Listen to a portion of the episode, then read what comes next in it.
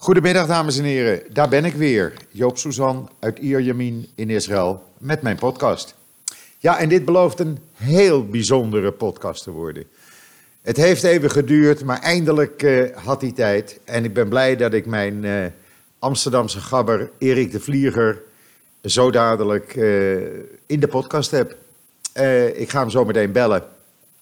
En dan gaan wij, Erik en ik, een heel gezellig gesprek aan over Israël, over antisemitisme en alles wat Erik kwijt wil en op tafel komt. Maar laten we het eerst even over het Israëlische nieuws hebben. Tenminste, we gaan beginnen met het weer. Het is vandaag heerlijk weer. Het is de laatste twee dagen eigenlijk lekker, maar vandaag is het zo'n 22 graden, uh, overwegend blauwe lucht. Weekend met een enkel regenbuitje, maar we zitten toch nog rond de 20 graden. Dus dat ziet er allemaal hartstikke goed uit. Het, uh, het gaat erop lijken dat het voorjaar echt uh, langzamerhand in Israël de winter overneemt. Ja, en dan het coronavirus. Ja, als u JoodsNL een beetje volgt, daar houden wij het allemaal bij. En dan ziet u dat Israël het enige land is wat wel met heel strenge maatregelen komt. Er is vandaag geconstateerd dat iemand die vier dagen geleden uit Italië kwam ook het virus bij zich heeft. Die is meteen in quarantaine in het Sheba Medical Center in Tel Assomer, vlakbij Tel Aviv, geplaatst. En er wordt nu gekeken naar mensen uh, die in dat vliegtuig zaten met wat hij terugkwam. Uh, en ieder ander met wie hij in contact is gekomen, want al die mensen zullen 14 dagen in quarantaine moeten. Israël doet er alles aan om zoveel mogelijk te proberen het virus buiten de grenzen te houden. Er zijn dus nu er zijn drie mensen hersteld van het virus, die zijn genezen verklaard. Dat zijn er Twee uit Japan, die gaan vandaag, morgen richting Israël terug. En iemand die in het Sheba Hospital lag, die is ook genezen verklaard. Er zijn er nog twee patiënten, dus in totaal nu, die het virus hebben. En die ook in quarantaine worden verpleegd. Daarnaast zijn er ruim 1600 mensen uh, in preventieve quarantaine thuis. 14 dagen moeten ze thuis in quarantaine blijven. Ja, men heeft uh, vandaag ook is, Italië op het lijstje gezet van landen waarvan men zegt, daar komen toeristen of zakenlui of iedereen die daar vandaan komt om Israël te bezoeken, die komt Israël niet meer in. Er is een toestel uit Italië geland op het vliegveld, Ramon vliegveld bij Elat, en, vanmiddag. En die is teruggestuurd, de Israëlische passagiers mochten eruit. De overige passagiers moesten erin blijven en zijn terug naar Italië gestuurd. De Israëlische passagiers zijn uit voorzorg in quarantaine geplaatst.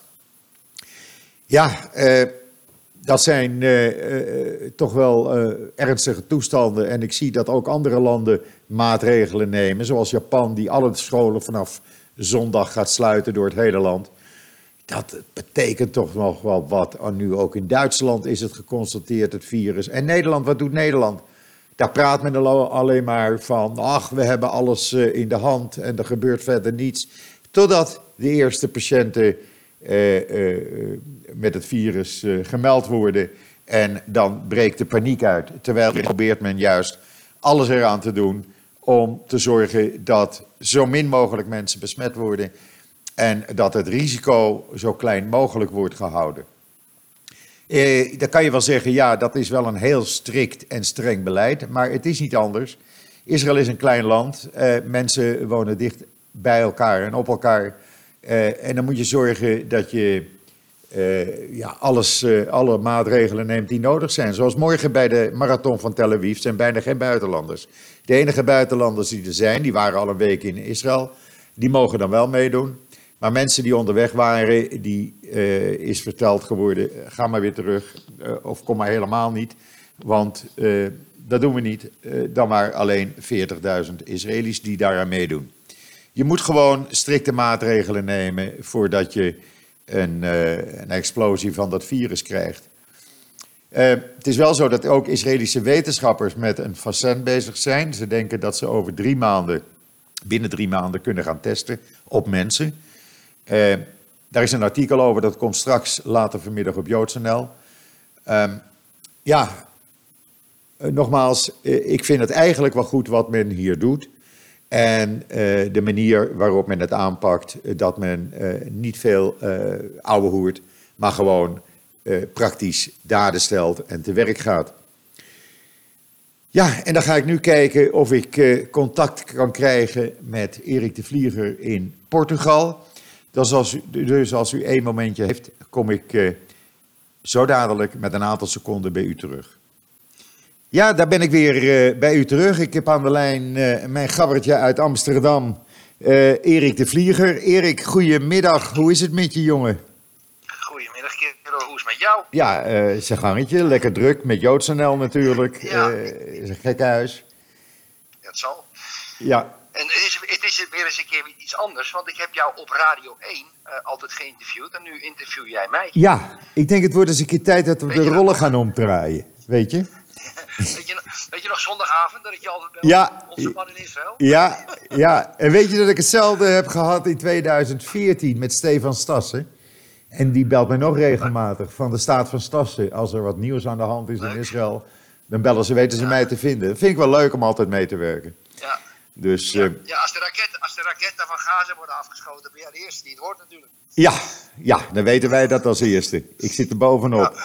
Ik krijg namelijk meteen eh, van de IDF al die berichten door. En, eh, want ik ben hier officieel als journalist geregistreerd. Dus Oké. Ja, dat is heel wat anders. Dat is heel wat anders dan toen, toen wij elkaar in Amsterdam eh, elke keer ontmoeten. Hè? Ja. Maar als, als zo'n waarschuwing uitgaat, eh, Ja. Eh, krijg je dan een WhatsApp van de IDF? Ja. Ja. Oké. Oké. ja, dat gaat heel snel. En daarnaast hebben we natuurlijk de, Ja. de alarm-app die iedereen kan downloaden. Jij ook trouwens. Dat als er ergens een raket neer wordt afgeschoten, dan word je gewaarschuwd. Dus eh, goed, Erik. eh, leuk dat ik je nu aan de lijn heb. En eh, je stond al langer tijd op mijn verlanglijstje. Ik weet, jij bent, ja, jij bent niet op je mondje gevallen. Ik ook niet trouwens. Maar wat is jouw mening over het om- opkomend antisemitisme op dit moment? Niet alleen in Nederland, maar ja, zeg maar heel Europa.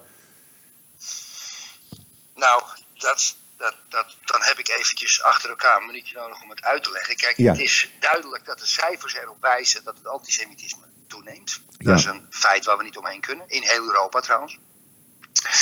Ehm, daar zijn, men zegt, verschillende redenen voor. Een van die redenen ehm, is het, het, importeren van immigranten. Dus meer, meer islam, waardoor er meer antisemi- antisemitische uitlatingen zijn in Ja. zeg maar, onze maatschappij. Maar ik had een paar dagen geleden, toen ik zelf over Israël aan het twitteren was, toen kreeg ik een groep nationalisten, anoniem op Twitter, Nederlandse nationalisten, die op mijn tweets ingingen. En dan praat je niet over rechts, maar dan praat je over ultra, ultra, ultra rechts. Dat leken mij gewoon blanke mannen. eh, eh, eh, Nederlandse zuurkool met worst mensen. En, en, en ja, dat, de, de, de, ik kreeg daar dingen van te lezen. nou, Die, en ik heb veel meegemaakt, natuurlijk zeker ook op social media. Ja. Waarbij het antisemiet, anti, antisemitisme, eh, ho- holocaustontkenning. eh, eh, de, de geallieerden hebben meer eh, Joden eh, omgebracht dan de Duitsers. Ik, ik heb teksten gelezen waarvan ik het bestaan nog niet eens wist. Dus of dat nou antisemitisme is, was wat er altijd al geweest is, of is dat nou sterker geworden? Ik heb het idee dat het sterker wordt. Ja, het is er altijd geweest. Het is er altijd geweest. Maar eh, toen ik in Nederland woonde, had ik ook regelmatig last van antisemitisme. Maar het is nu echt naar buiten gekomen en aan de oppervlakte. En het wordt ook sterker. Het wordt sterker. Ja. Iedereen zegt het maar. Ja, Je het kan- wordt je- Je, sterker. kan ook alles zeggen. Ja. Ja, ja. het- kijk, op social media, de anoniemen onder ons, die hebben natuurlijk ook een podium om te kunnen zeggen wat ze willen. Ja, Dat, en zijn, volgens mij zeggen ze ook strafbare dingen, ja, in sommige gevallen. Eh, en daar is bijna niets meer aan te doen. Dus de makkelijkheid om het te zeggen is ook, ehm, zeg maar, ehm, een reden dat we het nu zien. Ja? Ja. En ja, was het er al? Of wordt het meer?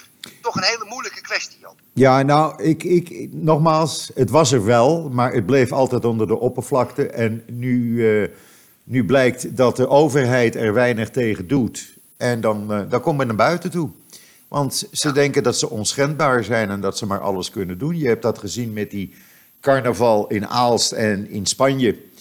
Uh, dat wordt gewoon gedaan en men, men doet dat gewoon in de alle openheid. Heb je dat in Spanje gezien met die oven, bedoel je? Ja. Met die, ja, ja. Ik, ik, ik, ik, ik, ik, ik was sprakeloos. Hoe haal je het in je hoofd? De luisteraars even uitleggen. Er was een soort carnavalsoptocht waar uh, mannen in uh, leren nazi-uniformen liepen en vrouwen. Ja. En daarachter werd een kar voor getrokken. En dat was dan een, een gasoven. Ja. En dat was dan als lolletje bedoeld. Ja, het moest een geintje zijn. Maar, maar, maar ik, ik ben sprakeloos erover. Ja. Ik, ik weet niet wat ik daarvan moet zeggen. Nee, nee, ik ook. Overigens, niet, niet op de mainstream media, maar alleen op social media was het te zien volgens mij. Uh, nou, wij hebben het uh, uh, wij ja, hebben over Aalst geplaatst. En ik weet dat kanaal Liepschiets van JTE het ook heeft geplaatst online. En daarnaast natuurlijk veel op social media. Mhm. Ja. ja. En ik zag een klein berichtje in, ik dacht dat het het parool was. Maar ja, er wordt weinig over gedaan. Maar ik vind dat, ik vind dat ook, ook ja, ik was een maand geleden in Amsterdam. En dan denk ik, ik loop in Amsterdam rond. Mijn vader was overleden. En, dus ik bleef daar acht dagen gedurende de rouwperiode. En overdag ja, wil je toch even eruit. En dan denk ik, wat is die stad toch veranderd? Het is niet meer de stad zoals wij, jij en ik, die hebben gekend vroeger. Nee, dat is helemaal weg, Joop. Kijk, ik ging vroeger een praatje maken met mijn sigarenboer. En dat is nu een souvenirwinkel waar Chinezen Ja, souvenirs uit Amsterdam kopen die in China zijn gemaakt. ja, Eh, weet je, en, en, en, en, en, en ja, het zijn allemaal cocktailbars voor 12,50 euro voor een cocktail. En, en, en de bediening is in het Engels.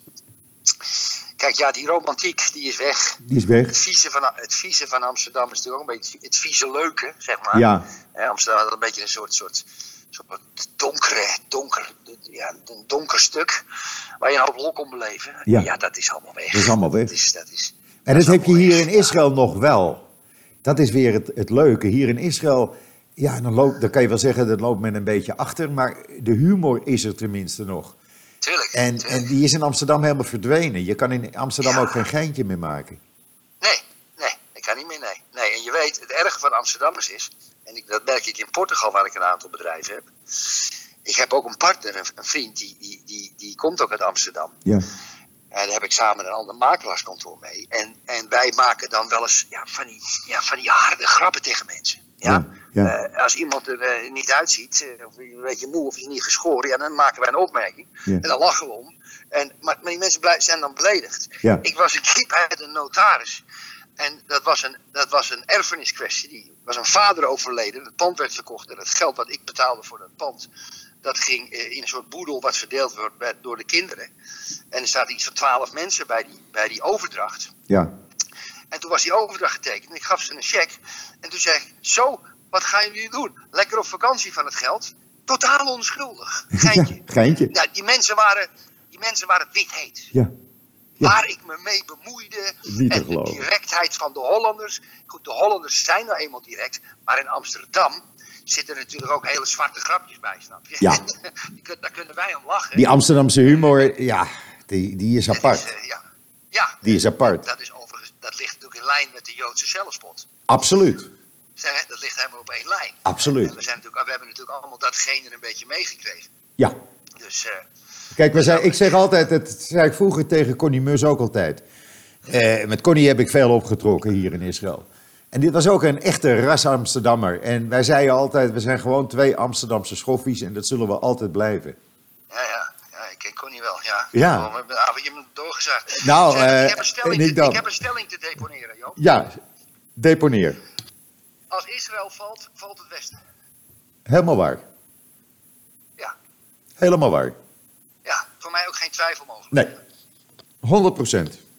100 procent. Israël, Ja, is het, mensen- ja, Israël is de verdediger van Europa.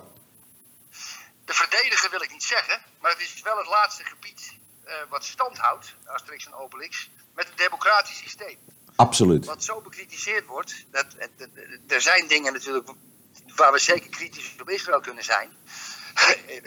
je, kan een, je kan de nederzettingen noemen waar ik zeg maar in een grijs gebied ben van ja, ik snap bepaalde nederzettingen wel, maar ik snap ook dat je een keer moet stoppen. Maar Ja. ik snap wel dat je de buffers moet hebben voor de veiligheid. Absoluut. Want als je de veiligheid niet hebt, word je in één keer overlopen in Israël en is het einde verhaal en dan overleeft niemand. Nee, Daar twijfel ik niet aan. nee. En als dat gebeurt, dan, dan, zou dat, dan wordt dat een signaal. Ja? En ik ben ervan overtuigd dat als Israël valt, uiteindelijk, en dan praat je misschien over tientallen jaren, het Westen ook valt. Ja, Aan wie? Ik heb geen idee. nee. Maar één, één garantie kan ik je geven: Israël zal nooit vallen.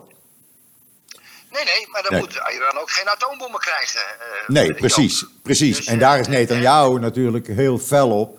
En als die herkozen wordt, Netanyahu, de verkiezingen zijn voor de derde keer komende maandag, dan ben ik ervan overtuigd dat hij dan echt Iran gaat aanpakken. Met of zonder Amerika, dat interesseert hem dan niet. Komt dat ook omdat hij in een soort corruptieonderzoek zit? Dat hij zijn spier Nou, kijk, corruptie, weet je, het, het, het wordt natuurlijk erg opgeblazen ook in de media en het speelt een rol tijdens die verkiezingen. Maar eh, ja, er zijn zoveel politici corrupt en ik denk dat dat in elk ander land is, ook in Nederland.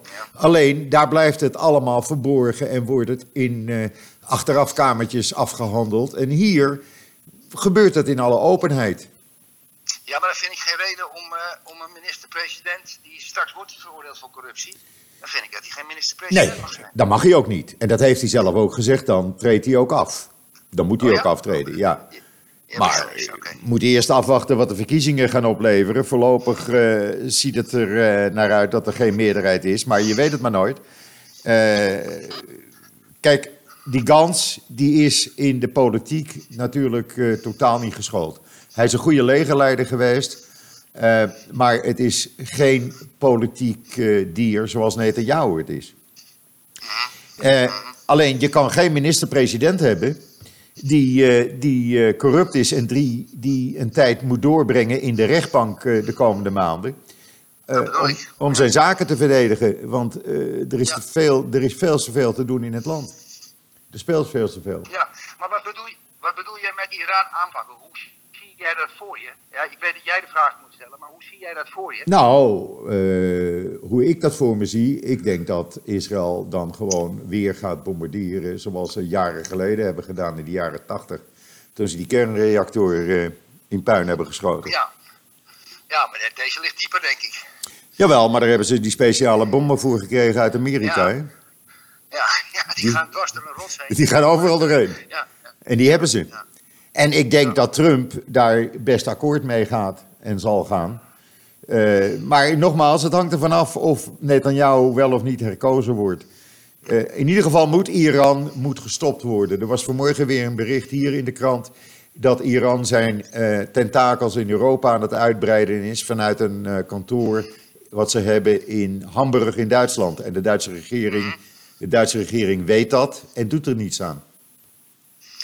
Ja, de excuus Duits. Ja, Ja. dat is ook zo'n raar verhaal. Eh, Weet je, ik vind het zo...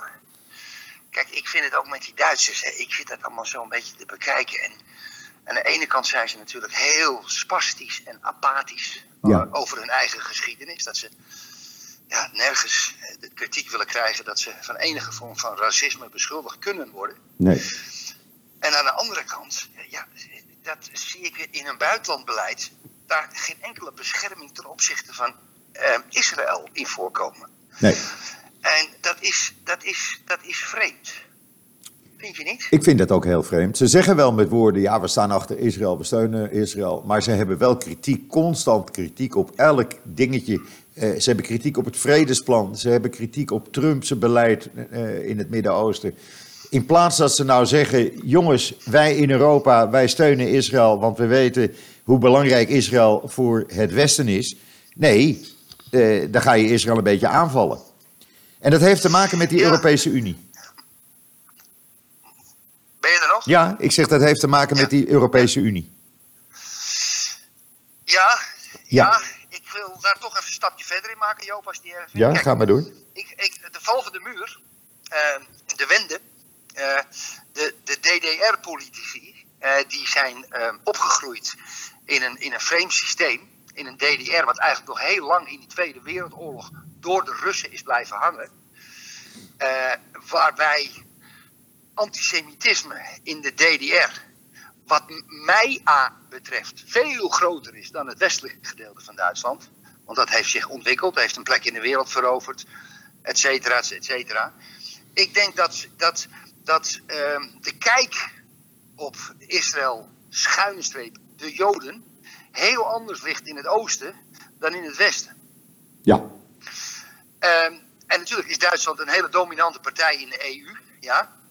Uh, mevrouw Mogherini, uh, de, de, de, de, de buitenlandse afgevaardigde van de EU, is een Italiaanse communist. Ja. Nou, ik hoef je niet te vertellen hoe communisten naar het Jodendom kijken, als Ja, het precies. gaat om kapitalisme. Ja. Uh, en daar zit dus een soort groep die, die wat ik vermoed, ja, uh, geen vriend van Israël is. Ik denk dat je daar gelijk aan stoppen hebt. ze dingen niet. Ja. Ja, oké, goed. Want dat zie je in het ook- beleid. Zijn Je we ziet daar- het- Zijn we daar ook weer uit? Ja, nee, maar je ziet het in het beleid van de Europese Unie. Richting Israël. Ja, Dat is geen Ja. pro-Israëlisch beleid, het is een pro-Palestijns beleid. Ja, je hebt het net met die politiek natuurlijk ook. Hè. De SP is echt anti, nou ja, anti-Israël wil ik niet zeggen. Dat zullen ze anders nuanceren en formuleren met betrekking tot de nederzettingen en, en, en, en, en de bombardementen als, als Israël aangevallen wordt. Want, want Israël mag wel eh, raketten uit Gaza ontvangen, omdat ze die mensen daar tussen haakjes zogenaamd onderdrukken. Ja. Maar ze mogen niet een bommetje terugsturen. Nee, Ja, Nee. en dat, is, dat recht op zelfverdediging, dat wordt als soort, soort kolo- kolonialisme ehm, genoemd. En daar hebben een aantal partijen, mensen, de SP is daar ietsje sterker in, terwijl ik de SP best een warm hart toedraag. Mhm. GroenLinks, D66, ja, PvdA doet het ook al niet meer. Ja, want die wil een beetje helemaal mainstream blijven. Als je Ja. is natuurlijk helemaal lekker op het midden en geen conflicten veroorzaken. Dat legt hem ook geen windei trouwens. Maar die linkse partijen, die vind ik toch ja, vreemd communiceren als het ten opzichte van Israël gaat. Israël mag zich blijkbaar niet verdedigen. nee. En dan is het altijd de nederzettingen en de onderdrukking en de omsingeling van de Gaza. Terwijl iedereen gezien kan hebben op televisie dat het Israëlische leger de Joodse mensen uit Gaza heeft verwijderd. Ja. Ja, Hè? 2005. Weet je, nog die beeld- weet, weet je nog die beelden die Ja. we zagen op televisie? Ja, 2005. Van de, van, de, van de Joodse families die uit hun huizen gehaald werden Ja. door die ene generaal. Ik weet niet hoe zijn naam. Sharon. Man die had het moeilijk. Arik, Arik Sharon. Ja, die had het moeilijk, die had het moeilijk, maar die moest dat doen. Die die moest die opdracht vervullen. En die, hij stond erachter, maar ook weer niet achter. Maar het was natuurlijk een militair. En, en die beelden, die waren die hartverscheurend. Ja. Maar het was wel wat Israël beloofd had. Ja, En toch blijven ze raketten afschieten. ja. Nou ja, je hebt het nu En- van de week weer gezien. Eh, verleden week heeft Israël 7000 eh, Palestijnen uit Gaza toestemming gegeven in in Israël te komen werken. En Ja. eh, eh, 2000 zakenmensen mochten hier naartoe komen om zaken te doen. En ze hebben de visserijzone uitgebreid. Er gingen extra vrachtwagens met van alles en nog wat er Gaza in. En twee dagen later vallen de raketten neer. Ja. Dat wordt dan als dank gedaan. ja, het is. Ja, en dan krijg je dus vanuit de Europese Unie krijg je dus commentaar van je mag niet aanvallen. Nou, ik ken mensen die aan die grens met Gaza wonen. Ik ken ze persoonlijk. En ik kom een aantal keren per jaar in die, eh, aan die, in die Gazastreek, die Gaza-grensstreek. En ik geef het je te doen hoor. Je hebt 15 seconden om je leven te proberen te redden. 15 seconden. Ja, ja het is ongelooflijk. Nou, tel maar eens tot 15 en probeer maar eens te rennen dan. Kijk hoe ver je komt. Ja, nou ja, niet ver. Ik, ik, ik 60 meter. Ja. Zeg Joop, mag ik je nog een opmerking aan dit? eh, Ja, doe maar, doe maar. Wat vind jij van Thierry Baudet? Ja, eh, eh, daar kan ik weinig van vinden, want het is een beetje ver van mijn bedshow. Ik volg dat niet helemaal. Ik zag wel vanmorgen een commentaar van Esther Voet, dat heb ik even gelezen in het NIW. Online staat dat, over Thierry Baudet en Geert Wilders. Waarom ze geen, eh, zich niet eh, uitgelaten hebben tegen die eh, carnavalsoptocht in Aalst, waarom ze stil bleven. Ehm, ja, ik, ik hoor af en toe wat, ik zie wat, maar ik weet er te weinig van om over Baudet wat te zeggen. Eh, Oké. Mijn indruk is dat het een beetje draaikont is. wat ik lees af en toe. Maar nogmaals, weet je, je- ik ben natuurlijk hier bezig. Ik woon in Israël en, en, en Nederland zie je vanaf een afstand, een bird's view noem ik dat altijd. Dat zal jij misschien ook hebben, of misschien iets minder. En, en dan kijk je er toch anders tegenaan, tegen wat er in Nederland gebeurt. Ja, ja, ja. Ik, ik laveer, ik laveer tussen Portugal en Nederland. Ja, Ehm, maar ik heb vier kinderen. Ja. En, en broers, zusters en dat soort dingen. Mijn familie zit natuurlijk in Nederland. Ja. Portugal een groot bedrijf, maar ik heb in Nederland nog wat belangen. ja, Dus ik heb meer, ik, er stroomt nog meer Nederlands bloed door mijn lichaam. Maar ja, wij halen natuurlijk ook veel van social media, jij en ik. En Ja. van social media en vooral Twitter, daar moet je voor oppassen. Want je zit natuurlijk met een aantal gelijkgestemden altijd maar hetzelfde te lezen. ja, absoluut. En, eh, en eh, ja, er zitten natuurlijk ook een pak imbecielen op Twitter, dat wil je niet weten. Ja. ik vind het ontzettend interessant. Het is zelfs een soort ver- verslaving. Ja, ja, ik zie nou de commentaren over het coronavirus, hè, bijvoorbeeld. Ja, Kijk, in Israël zijn ze natuurlijk heel strikt. En Israël neemt geen enkel risico. Ze hebben vanmiddag een vliegtuig eh, uit Italië teruggestuurd, wat in eiland landde. ja, dat was ik, ja. En eh, ja, men doet er alles aan om dat virus buiten de deur te houden. En dan, dan krijg je ook rare antwoorden soms op Twitter van mensen die dat maar eh, ja, eh, raar vinden wat de Joden allemaal doen om, om dat virus. Ja, eh, ik heb de complottheorie ja, over. nou, hou op zich. Hou op zich. Ja. Ze gaan alweer rond. En dan denk ik, ja, nou ja, eh, ik woon hier en als dat virus dan niet bij mij voor de deur komt, dan vind ik dat wel prima. Laten ze maar doen wat ze denken wat ze moeten doen. We zijn Leef jij natuurlijk. nou van pensioengeld? Leef jij nou van pensioengeld of heb- je geld? Ik heb mijn, mijn AOW'tje natuurlijk, hè? Oké. Ja. Kan je, is dat En- leven, want ik, kom binnenkort naar, ik ga binnenkort naar Israël toe trouwens, Ja. eh, eh, op vakantie. Ja. Ik, eh, ik, ben eigenlijk, ik ben eigenlijk nog nooit goed in Jeruzalem geweest. Ik kom ook nog even in Tel Aviv. Maar dan wil ik graag zien jullie nieuwe hoofdstad. Ja, nou, het was altijd onze hoofdstad. Het was altijd onze hoofdstad.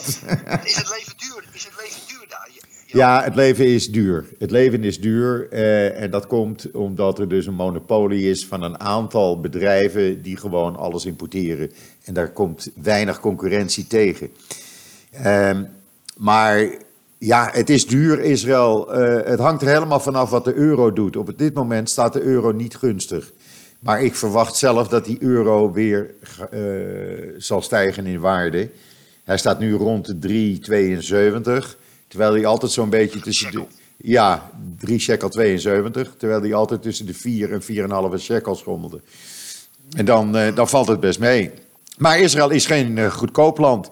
Eh, huurprijzen zijn, ja, zijn hoog. Ja. Vergelijk het maar met, met Amsterdam, de huurprijzen in heel Israël. Ja.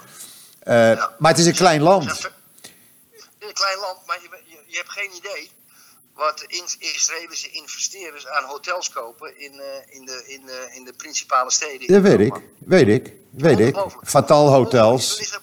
In Lissabon ook zijn ze hotels aan het Ja. kopen, Israëlische beleggers. Ja, Dat, eh, dat is ongelooflijk. Ja. Wat ze allemaal aan het kopen zijn. Lissabon, Porto, Madrid hoor ik. ja. Dat is, Maar aan de andere kant zijn eh, buitenlandse beleggers weer in Israël aan het beleggen. Niet alleen in een goed, maar ook veel in die start-ups, in de high-tech.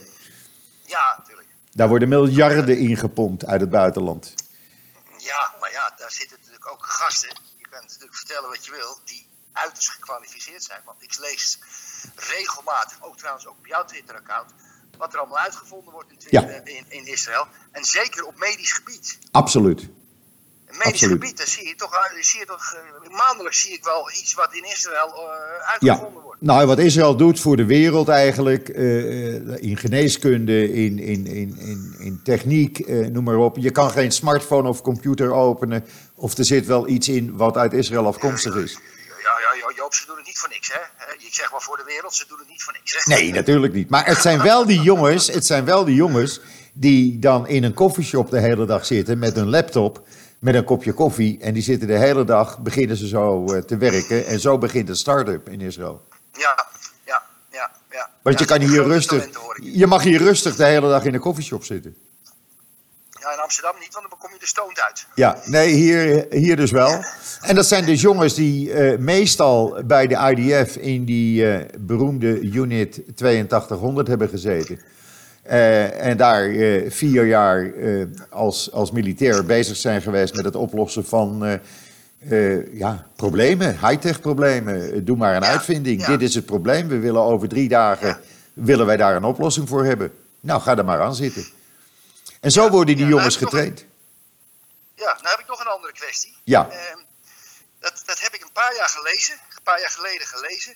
Ja, En ook gehoord van een kameraad van mij. ja, Dat, ehm, dat Israëlische jongens die jong het leger ingaan, Ja. toch in een soort halve combatzone terecht zijn gekomen. Na die periode, ehm, dat er een aantal zijn die helemaal de weg kwijtraken. Gaan trekken naar India, Goa, aan de drugs raken. eh, ehm, eh, helemaal, helemaal van het padje afraken. En dat dat een, grote zorg is op dit moment, in de, of altijd is geweest, in de Israëlische maatschappij. Nou, het ligt iets anders. De, de gewoonte is dat als je uit dienst komt, dan ga je alleen of met meerdere of met z'n tweeën, ga je de wereld in. Dat betekent dat ze inderdaad naar India, Australië, Nieuw-Zeeland, Zuid-Amerika, eh, bijvoorbeeld Colombia, naar Mexico, eh, allerlei, eh, naar China, maar dat, dat gaat nu even niet. Eh daar gaat men de wereld in, daar gaat men trekken. En dan gaat men leven als een soort hippie. En dan Ja. zijn er een aantal die inderdaad aan de drugs raken en in India eh, blijven hangen eh, in, eh, in die bepaalde gebieden. En ook in Colombia. Maar het overgrote deel, 99%, komt terug en begint een studie en daarna een bedrijf. Eh, maar dat is de gewoonte. Ze hebben drie jaar of langer in dienst gezeten. En dan, eh, ja, eh, voordat je het gaat studeren of gaat werken, dan ga je de wereld in. En dat Ja, doen ja. ze. Ja, dat doen ze. Vandaar ook dat Ja, veel, veel soldaten blijven een jaar... Ja, ze blijven een jaar langer in dienst. Want als ze dan een jaar langer in dienst blijven, krijgen ze geld mee als ze uit dienst komen. Snap je? Oké. Dus dan hebben ze centjes. Oké. Heb, jij familie, heb jij familie in het leger? Eh, op dit moment niet. Nee. Nee. Dat gaat nog een paar jaar duren. Dan gaat een van de kinderen van eh, een van mijn broers gaat het leger in. Maar eh, iedereen is er nu uit. Ehm, en ze zijn ook boven de 40, dus ze hoeven ook niet meer in de reservedienst. Dus dat gaat ook goed. Nee, nee, ja. Ja, dat heb je ook als, je, als Israëliër moet je één keer in de zoveel jaar verplicht in de herhaling. Hè? Ja, dan ga je minimaal drie tot eh, langer, vijf, zes weken. Ga je dus met je eenheid op herhaling. Oké. Ja. Oké. Wel gezellig. Is heel gezellig. De meesten vinden het ook heel Het gezellig. kan gezellig zijn. Ja. Nou ja, daarom zie je als, je, als je dus in Israël bent, dan zie je dus gewoon elke avond en elk weekend eh eh, hordes jonge mensen rennen. Gewoon om in conditie te blijven. Dat Ja. is hier heel populair. Voor als het moment komt. Ja, ze blijven wel in conditie. Ja. Be prepared. Stay prepared. Nou, ja, ja. dat doen ze hier ook natuurlijk. Eh. Maar daarnaast is het een open maatschappij. Het is hier een hele sociale maatschappij. Iedereen bemoeit zich met je, iedereen eh, eh, adviseert je. Als ik in de winkel, in de supermarkt kom en ik koop iets en ik sta bij de kassa, dat de cashier zegt: hey, dat moet je niet kopen, je moet dat andere merk kopen, dat is veel goedkoper en veel beter. Eh, eh, zo. ja, zo bemoeien ze zich met je. Dat is maar een klein voorbeeld. Eh, maar ja, eh, als ik mijn, met mijn hondje loop, dan zijn er altijd wel mensen die naar mij toe komen op straat of in de tuin hier eh, bij het gebouw. Joop, eh, hoe gaat het met je? Gaat het lekker? Eh, Ja. Weet je, men bekommert zich om je. En dat vind ik Ja. het fijne aan de Israëlische maatschappij. Daarnaast kan je zijn wie je bent. Je hoeft je niet anders Ja. voor te doen. Doe maar Althans gewoon ook. hier. Doe maar Althans gewoon. ook. Ja. En, en dat vind ik heerlijk. Je kan leven zoals je wil. Als ik bij wijze van spreken een afspraak zou hebben met Netanyahu... vanavond kan ik daar gewoon in spijkerbroek en t-shirt naartoe. Ja, ja, ja, ja, ja, ja, ja, ja. Ja, kijk, het is natuurlijk een land waar uiteindelijk de vrouwen de baas zijn. Hè? Eh, eigenlijk wel, ja. Ja. Ja. ja, uiteindelijk. Dat weten, we, weten veel mensen niet. Nee, de Israëlische vrouwen uiteindelijk- die... eh, ja, nee, wacht even. Dat, eh, oh. Ja, een getrouwde Israëliër, die, die, hij kan alles doen wat hij wil, maar het, moet, het, alles gaat even langs de vrouw. Absoluut. En ehm, het meeste is goed, maar als er iets bij zit wat niet goed is, Dan gaat hij niet linksaf, dan gaat Nee. hij rechtsaf. De vrouw is de baas. de wereld waar uiteindelijk de vrouw de baas is. Absoluut, ze zijn de baas. Ze zijn de baas. En ik heb het zelf ook ervaren.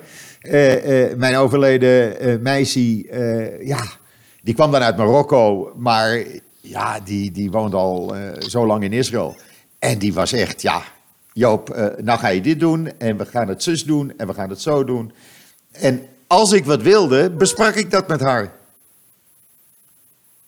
Ben je er nog? Ach, nou valt Erik even weg. Ik ga even kijken of ik hem nog aan de lijn krijg. Ogenblikje.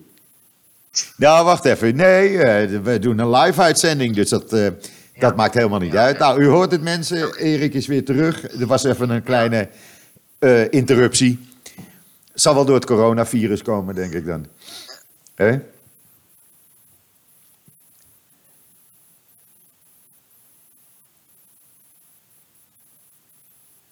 Nou, er schijnt iets meer. Goed, nou, ik denk dat we eigenlijk maar een eind aan dit gesprek moeten maken dan, want het, gaat, eh, dit gaat niet goed. Eh, nee, u hoort het, Erik is weg, helaas. Maar het was een leuk gesprek en ik hoop dat u ervan genoten heeft. Eh, wat mij betreft zou ik zeggen, alvast een heel goed weekend. En Shabbat Shalom vanuit Israël. En ik ben er zondag weer bij u terug. Tot dan.